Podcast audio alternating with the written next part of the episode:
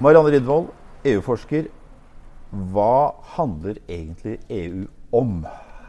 Gjensidig avhengighet og at man trenger felles løsninger, eller felles, jo, løsninger på felles problemer. Felles utfordringer. Ja. Du er professor i statsvitenskap ved Høgskolen Innlandet. Forsker i NUPI, senior fellow på Berkeley. Mm. Um, og EU-forsker. Uh, det er vel ikke en sånn formell tittel, egentlig, det, men EU er en av de tingene du forsker mye på.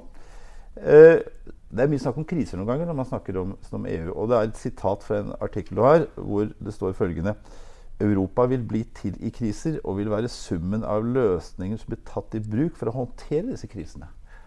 Hva mener du med det, eller hva tenker du om det? Jeg tenker at EU er en konstruksjon. Mm. er en sosial konstruksjon. Ja. Og EU er resultat av kompromisser mellom medlemslandenes syn på hvor mye suverenitet man skal ha, og hvor mm. mye makt man skal gi fra seg til felles mm. institusjoner. Og EU ble skapt på bakgrunn av krise. Mm. Forløperen til EU, kull- og stålunionen, ble etablert eh, etter eh, andre verdenskrig. Mm. Hvor da Europa lå i ruiner. Mm. Eh, nasjonalisme var ikke et eh, finord, kan du si, på den tiden. Eh, og, eh, og, egentlig på en ganske genial tanke eh, basert bl.a. på eh, tankene til Monet, som er eh, en mm. fransk minister som du akkurat eh, siterte. Mm. Ideen var eh, at eh, man, hvordan skal vi kunne unngå krig? Mm. Europa har vært gjennom to store kriger de mm. siste 50 årene mm. og ligger under. Hvordan skal vi kunne sørge for at dette ikke skjer? Så har man utviklet seg ved at man har gjensidig avhengighet, felles utfordringer. Man har allerede noen institusjoner. Det skaper jo samarbeid, tillit osv. Og, så og så responderer man gjerne i respons til kriser. Når det kommer store utfordringer, mm. så har EU tendert til å komme sammen, medlemslandene, for det er jo de som bestemmer, og utvikle seg videre. Skal vi ta en liten sånn videre. historikk videre på disse krisene, som du vil si var, kanskje har vært sånne formative kriser? da? For, mm. Du kunne trekke frem noen som har hatt betydning? Ja, så Først så har det jo EU, mye av EUs utvikling frem til det som er det indre markedet og det økonomiske fellesskapet som Norge en, har en mm. avtale med, da, mm. det økonomiske EØS-avtalen, eh, det ble jo etablert under den kalde krigen. Mm. Og så får man da, når den kalde krigen er slutt, mm. så eh, er det mange som tenker at nå har Europas time kommet, og man mm. får krigen i eh, gamle Jugoslavia osv., og, så videre, og mm. EU begynner å utvikle seg mot en ikke bare en økonomisk union, men en politisk union. Så EU blir en ja, union. Når det gjelder sånn, sånn, så, så kalde krigen til slutt, i den forstand at Europa, det gamle Europa gikk tilbake liksom, sånn grensemessig, altså ble mer tilgjengelig? Vil du si det? altså? Ja, og så alle østeuropeiske land mm.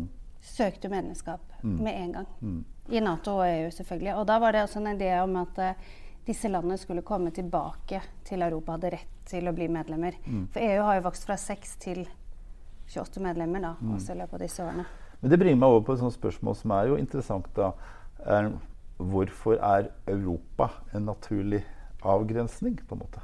Ikke sant? Altså, mm. hva, hva, er det med Europa eh, som gjør det naturlig at de skulle finne sammen? Historisk, kanskje? Eller hva tenker du? Ja, det er jo hvor går grensen for Europa, er jo et annet spørsmål. ikke sant? Mm. Som man kan stille seg i forbindelse med utvidelse. Europa mm. har jo alltid vært en en eh, enhet, men ble også definert under den kalde krigen, selvfølgelig. Mm, mm. Eh, um, og etter den kalde krigen så var det en sterk idé om at uh, noen land hørte til, og noen land hørte kanskje ikke like mye til. Mm. Fordi EU def, eh, når, eh, definerte jo regler for hvem som skulle få bli medlemmer, mm. eh, basert på tre kriterier. respekt for menneskerettigheter. Mm. kunne oppfylle alle EUs regler, mm. som heter kommunitær, l'acquis kommunitær. Eh, og i tillegg eh, kunne eh, Altså være en velfungerende markedsøkonomi. Det er kjernen.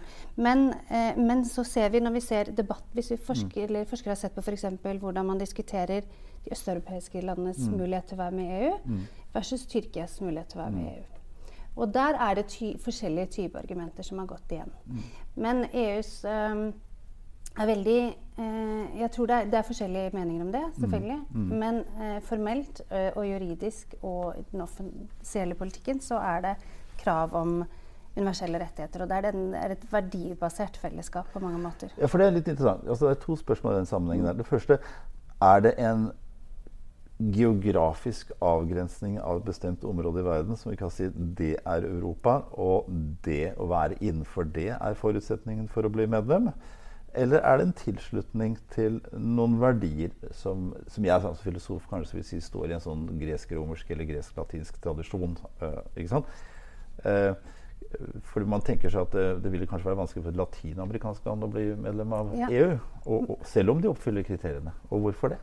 Ja, så det, er, det, står jo i traktatene at man må være et europeisk land. Mm. Så da er det jo med en gang vi beveger oss østover, mm. eh, og Ukraina f.eks., mm. mm. konfliktene der, mm. eh, som har jo ønsket eh, medlemskap i EU, da begynner man å, å, diskutere hvor skal grensen for det gå. Men i mm. teorien så skal så lenge du er på, på det europeiske kontinentet, selv om jeg tror ikke mm. noen geografer heller er enige om hvordan vi skal definere det. Nei. For ellers så kunne jo f.eks. Canada hadde jo vært et perfekt medlem. Fordi Canada du skal respektere menneskerettigheter, mm. du skal støtte det internasjonale systemet. ikke sant? Mm, mm. Sånn at det er et veldig klart verdifellesskap, og det er, ser vi jo også tenker jeg nå når det tross alt blir så mye debatt som det blir, mm. om at EU ikke klarer selv å oppfylle de eh, mm. kriteriene. Det er fordi det var interessant å si at uh, det at Europa Du kan jo gå i en sånn idéhistorisk uh, mm. gang bakover og si mm. at når kom den ideen på plass, på en måte? Mm. Europa som noe. Eh, og, og, du havner kanskje tilbake til omtrent antikk filosofi, vil jeg tro. Ja, ja. For, for, å si at det ligger noen verdier der. Og da kan du si, men da vil du si at Europa er det primært et geografisk avgrenset område, eller er det primært et, skal vi si, et verdimessig avgrenset område? Eh, sånn sett. Litt begge deler, men, men skulle si Jeg tror nok de tenker selv at, eller at man tenker det er et verdimessig Avgrenset område. Avgrenset område, ja. ja. Ikke sant? Det er et, den ide, opplysningsideen, ja. uh, menneskerettighetsideen, rettsstatsprinsippene. Ja. De universelle mm. prinsippene som skal ligge til grunn. Som, som, som, som man tenker er liksom det som mm. definerer på mange måter det vi vil kalle Europa. Men det kommer an på hvem du, litt hvem du spør, da. Selvfølgelig. Og forskjellige land vil gi deg forskjellige svar. Der ligger det en øst-vest, eh, ja. kanskje? En nord-sør også? En nord-sør kanskje litt, mm. men særlig en øst-vest. Fordi øst noen østeuropeiske land, ikke alle selvfølgelig, eller mm. sentraleuropeiske er vel det korrekte ordet. Mm. Ungarn og Polen har jo et litt annet syn på det. Men mm. Frankrike også har vært veldig tydelig på at man ikke ønsker tyrkisk medlemskap, f.eks. Mm. Mm. Men så snakket vi om, eh, om kriser. Ja. Vi kan jo fortsette litt videre på disse krisene og se vil du trekke etter hvert som vi går fremover ja. i tid. Eh, hvis, det er, hvis, det er, krisene Det du pekte på, er jo det er krisene som skapte Altså kriser skapte behovet for EU. Mm. Og så ser man at kriser gjør ting med EU underveis. Så hvis du skulle trekke frem noen kriser videre eh, forbi det vi har snakket om nå, da? krigen i, i Jugoslavia. Mm. Da var det en idé om at nå hadde liksom Europas time kommet, nå skulle mm. man ut. Og EU hadde jo ikke akkurat vært en veldig aktiv utenriks- og sikkerhetspolitisk aktør. da, ikke sant? Det var jo veldig i skyggen av USA. Det var Vest-Europa vi snakket om. Så gikk jo ikke det helt som planlagt. Nei. Da måtte USA komme inn og redde eller hjelpe europeerne igjen. Mm. Og det er en av årsakene til at man fikk etablert en felles utenriks- og sikkerhetspolitikk mm. i EU, og gikk da mot en hvor er vi tidsmessig da? Da er vi tidlig på 90-tallet. 90 1993. Ja. Så EU går da på 90-tallet fra å være en økonomisk fellesskap, mm. EF, mm. til eller de europeiske fellesskap, som det het, mm. til å bli en europeisk union ved at man tar inn utenriks- og sikkerhetspolitikk og grensepolitikk, politisamarbeid osv. Mm. utover 90-tallet. Mm. Mm. Ja. Tettere på flere og flere måter. Ja, og felles valuta, selvfølgelig. Ja. Finanspolitikk. Mm. Så det er en sånn utvikling fra et fellesskap mot en mot en union. Ja. Mm. Men så blir det ikke helt en union, så da sliter man. ikke sant? For det er det som hele tiden skjer. Med EU EU er hele tiden et kompromiss mm. mellom hvor mye? Vi står overfor noen felles utfordringer eller kriser, eller vi, noen ønsker mer samarbeid. Mm. Eh, hvor langt skal vi gå? Ja. Og hvor mye skal, makt skal landet ha selv? Mm. Så derfor så blir det f.eks. Den økonomiske og monetære union, som, eh, hvor man hadde en økonomisk men, union, men ikke en politisk. Ikke mm. Så man kunne ikke løse finanskrisen da, med politiske midler, for det hadde mm. man ikke. Nei. Det er et typisk sånn kompromiss. Mm. Hvor, noen, hvor, noen, land vil gi fra seg mye makt, mm. andre vil mindre. Og så mm. finner man hele tiden eh, mellomting. Mm. Så derfor så er hele tiden EU en sånn litt sånn hybrid konstruksjon som ikke og det er vanskelig å forstå. Til viss grad kunsten å leve med de utilfredsstillende løsningene. Da. Ja, ja. Altså, altså, nettopp å være i det ekstremt politisk egentlig politiske. da, altså det, det, det, det, er aldri snakk om det maksimale, men kanskje det optimale til viss grad. Og, mm. og leve livet med frustrasjon. Uh, Samtidig som hoveddelen av EU ja. er jo den hverdagsdriften. At ja. alt går videre hele tiden. Mm. To tredjedeler av medlemslandenes regler kommer mm. fra EU. Mm. Det er den daglige. Selv når det har vært kriser nå, så det går jo EU bare sin vanlige gang. Men da er vi altså på 90-tallet, og det har mm. følgende skjedd. Og så, så, går vi litt videre fremover i tid. Og, og hva skjer eh, etter hvert da, vil du si? Som uh... Just, hvis vi ser på de senere tidskriser, da, ja. som jo er naturlig å se på, um, hvor EU på en måte som var annerledes, fordi mm. man da står overfor mange flere og mm. parallelle og kanskje vel så eksistensielle mm. kriser enn man har gjort tidligere. Før finanskrisen, mm. 2008, mm. så har vi jo selvfølgelig migrasjonskrisen. Som eh, stiller veldig mye spørsmål ved det verdibaserte grunnlaget. Eh, så har vi brexit. Så har vi Trump Mm. EU og Norge for så vidt også har jo hele tiden levd med en idé om at de USA det forholdet er som det er, og det er mm. sterkt, og vi kan mm. stole på dem. Så har, og så samtidig så kommer denne krisen internt til EU med eh, Polen og Ungarn som ikke kan regnes som demokratier lenger. Mm. Så det EU står overfor så mange utfordringer på så mange fronter samtidig, har vi sett da fra 2007-2008. Og der driver vi og befinner oss litt grann nå.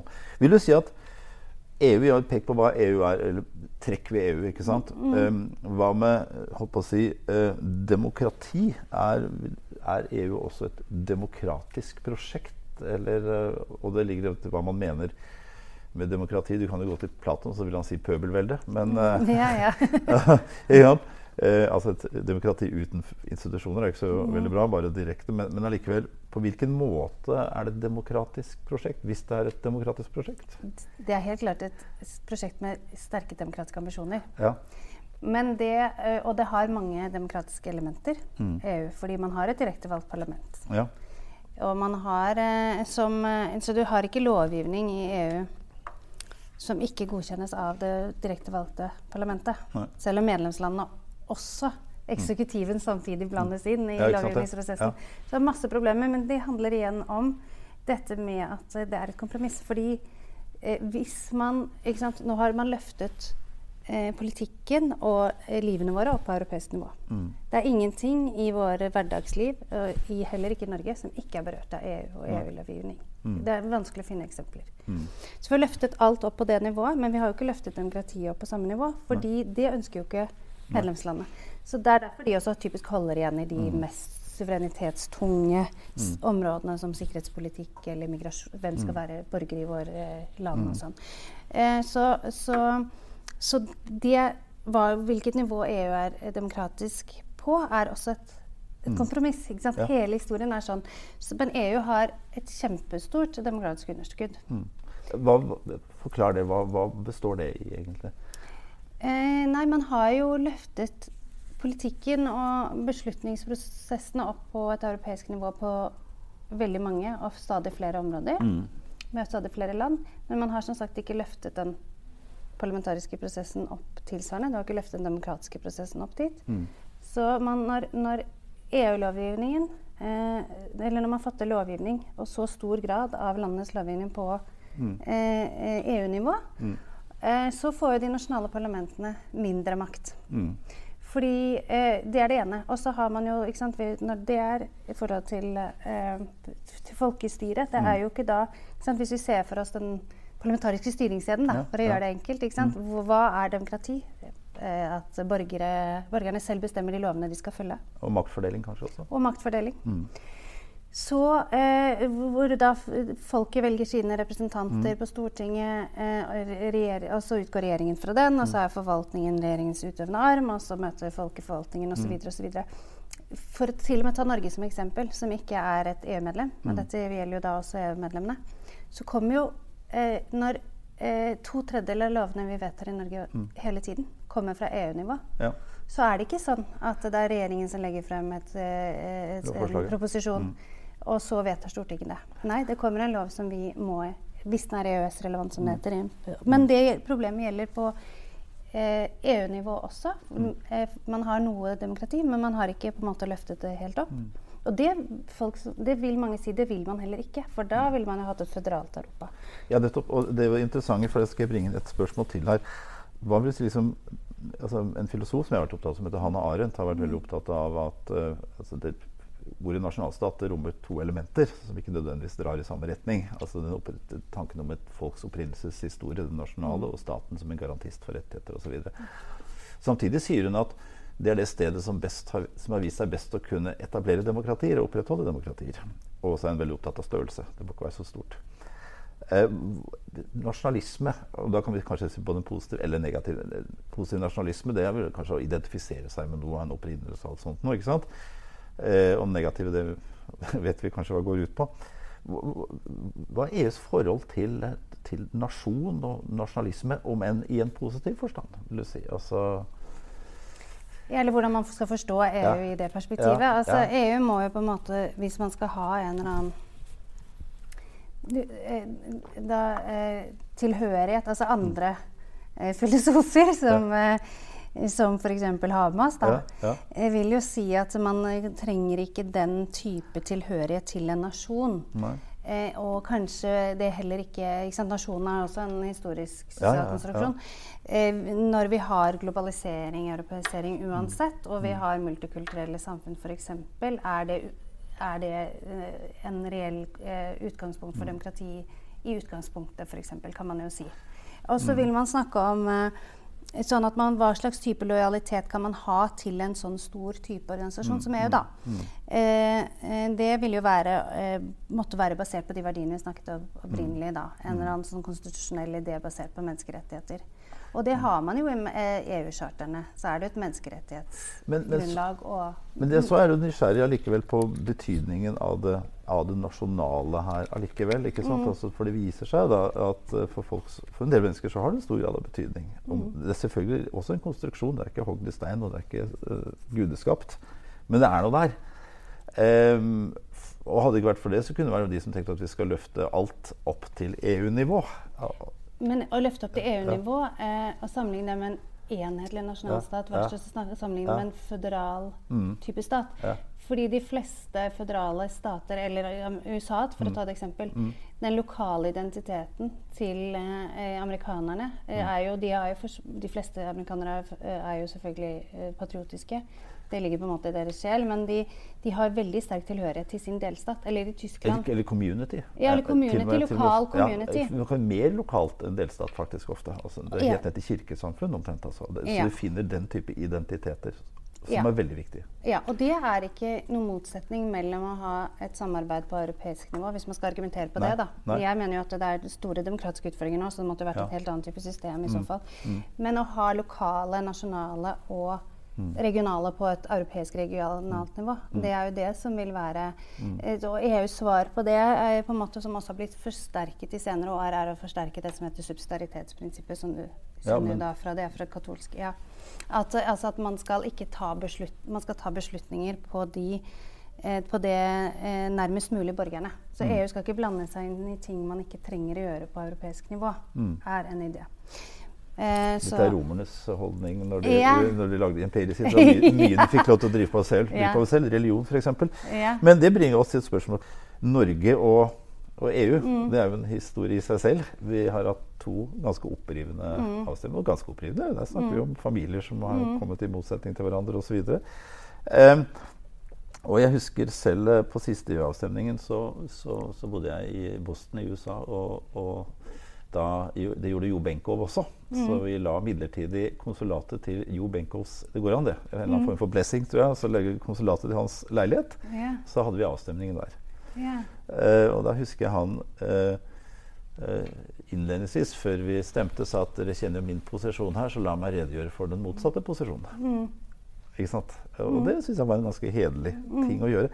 Og dette bringer også spørsmålet liksom, Norge EU, nå har jo Norge litt historie på å være delvis medlemmer av saker og ting. Mm. Kommer det noen gang en, en ny EU-avstemning i uh, Norge? Ja, det tør jeg ikke Kom igjen, nå! Hva tenker du? Er vi ikke sant? For det du, det du har sagt allerede, er at vi er veldig EU. Ja, ja så det som er Eller det som eh, den norske offentlige utredningen eh, i 2012 da, som så på mm. Norges forhold til EU, fant, er jo at nordmenn er jo veldig fornøyd med mm. sånn som vi har det. Fordi mm. at det funker jo bra for mm. oss på en måte økonomisk. så er det lønnsomt. Vi er med i det indre marked, vi kan reise, vi kan bo. Um, det ikke, men det påvirker jo alle deler av forvaltningen og alle deler av hverdagslivet vårt. Og det så vi f.eks. med Nav-skandalen. Uh, men men det som er hovedproblemet, vil jeg jo si er det demokratiske problemet. Men vi ser den derre eh, som vi, Hvis vi kommer tilbake til det vi snakket om, som også er relevant da, for Norge, er at eh, vi ser jo eh, at det er, utvikler seg nye skillelinjer. Mm. I Europa, vi ser de i eh, for så vidt USA også, mm. som er knyttet til den der, som forskerne da kaller den transnasjonale dimensjonen i EU. At man har, ikke sant, EU kommer seg gjennom Mm. Kriser f.eks., mm. og man integrerer hele tiden mer og mer og mer. Vi blir mm. mer og mer økonomisk innsidig avhengige. Ok, Da utvikler vi enda mer felles regler, og så spiller det over til andre områder. Eh, men så den, det funksjonelle drivet, på en måte, det eh, eh krasjer med de lokale identitetene noen ganger. Og det har jo ikke blitt tatt opp tydelig nok. Og det ser vi veldig godt i Norge. F.eks. i ulvesaken. da. Ja, eller vi ser det nå, f.eks. Hvis vi går og ser på meningsmålingene, så ser vi at uh, helt åpenbart mest EU-skeptiske parti i Norge Iallfall på siste måned så var Norges ja. største politiske parti. Ja, ja. Eh, ikke sant? Eh, om de holder seg der, er jo tvilsomt, men vi snakker om Og, og det er jo interessant uh, midt oppi mm. det hele. Hva, var, hva er hva, Det er mye årsak til det, antageligvis. Mm. Men det er vel noe som har med kanskje sy på EU å gjøre også, som trekker mennesker fortsatt til det partiet. Ja, også gjelder internasjonalt samarbeid. Ja. Da, mm. Den støtten mm. til internasjonalt samarbeid, hvis du skal sammenligne med USA da, mm. og Trump og populismen der altså, eh, Opp til nå så har vel de fleste mennesker Eller vi har, i hvert fall i den vestlige verden, vi har tjent på mm. globalisering på et mm. vis. Mm. Nå ser vi at det er ikke nødvendigvis alle kanskje som tjener på det. Og det, vi ser også at det er en større den derre Mm. Som forskerne vil kalle altså den krasjen mellom liksom, de globale ideene, mm. internasjonalt samarbeid og lokal identitet og mm. egne behov der. Fins det noen løsning på det som et siste spørsmål, annet enn å tåle å stå i den spagaten? Ikke sant? Altså, eh, er, er det, si, man det er to bein, men de, de, drar fra hverandre. på en måte, Man havner litt i spagat. og det er, er, det der man står? på en måte? Nei, man må jo, man må jo reformere institusjonene. ja. Man ja. må jo man må finne en eller annen måte altså, Det er jo Folket skal jo bestemme, da. Vi ja. må finne en eller annen form for system som gjør at uh, det fanges opp, og mm. at det, det, internasjonale samarbeidet man har, faktisk reflekterer folks behov. Og EU står jo Det er jo EUs hovedutfordring, tenker mm. jeg. Mm. Ikke sant? Man... Uh, man har blitt flink til å løse kriser. Og for, det er jo interessant f.eks. at et kjempestort flertall av alle italienere ønsker seg mer EU etter mm. koronakrisen. Mm. Eh, og et stort flertall av alle europeiske land tenker mm. ok, det, EU gjorde altfor lite. Svarer mm. på spørreundersøkelser altfor lite. Men hva skal vi gjøre? Ok, EU må gjøre mer. Mm. Så man ser for seg det der behovet for at det er effektivt, og at mm. man trenger felles løsninger. Man ser det i grenseløs verden. Og det samme med migrasjon, det samme med eh, alle mulige utfordringer. Men eh, eh, å klare å finne en balanse der mm. med eh, å opprettholde verdigrunnlaget. Mm. Menneskerettigheter mm. internt i EU. Tenk på homofiles rettigheter i mm. Polen og Ungarn. Ja. Eh, eller, eh, eller, at det, ja, så, eh, det, er jo ikke ordentlige demokratier lenger. Mm. Internt i EU. ikke sant? Eller migrasjonspolitikken. Ha, hvordan har vi behandlet migrantene både inne og eksternt? Og samtidig den, det folk opplever opplever som nasjonal, en eller annen form for skal vi si, nasjonal identitet som må ivaretas. Eller hvor mye av det, mm. f.eks. Ja, ikke sant? Hvor skal grensen gå? Hvor, hva som skal bestemme? Da, men da er du tilbake til der vi begynte. da. Ja. Fordi EU handler jo hele tiden om Mm. finne den balansen mellom nasjonal suverenitet og lokalt, selvfølgelig. da. Man kan jo tenke seg helt andre typer ordninger òg. Det er masse demokratiteoretikere som Absolutt. jobber med det. Mer i mindre enheter, faktisk. Ja, ja. Min, mye mindre enheter. Mm. Men finne balansen mellom mm. nasjonal suverenitet, eller lokal suverenitet, eller hva skulle være, mm. og overnasjonale løsninger. Og hvor mye demokrati løfter vi opp. Marianne Rydvold, tusen takk for en uh, interessant samtale. I like måte. Denne podkasten er produsert av Høgskolen i Innlandet og Erlend Moe. Du hørte filosofiprofessor Einar Øvrenge i samtale med Marianne Riddervold, professor i statsvitenskap.